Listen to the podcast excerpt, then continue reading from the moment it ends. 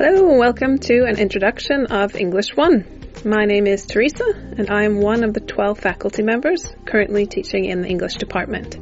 Together we have a great range of experience and training that we bring to our teaching. Let me tell you about English 1. It's a 30 study point course offered in the spring semester of the second year in the primary years program. There are two modules in the course, language and language learning, and text and culture.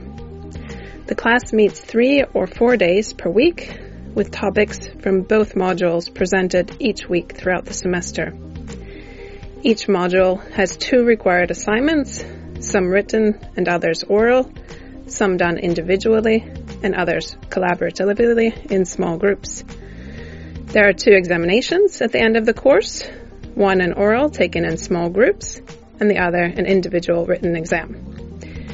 In the course, you will better your abilities to communicate in oral and written English. You will strengthen your knowledge of the structure of the English language. You will gain knowledge and skills about how to teach English as a foreign language in primary schools, including practical ideas and suggestions and tips for classroom practices. You will gain knowledge about uh, English texts, text analysis, and the use of texts in English classes and you will gain an understanding of the role of culture and language learning and how to aid the growth of cross-cultural awareness in school children.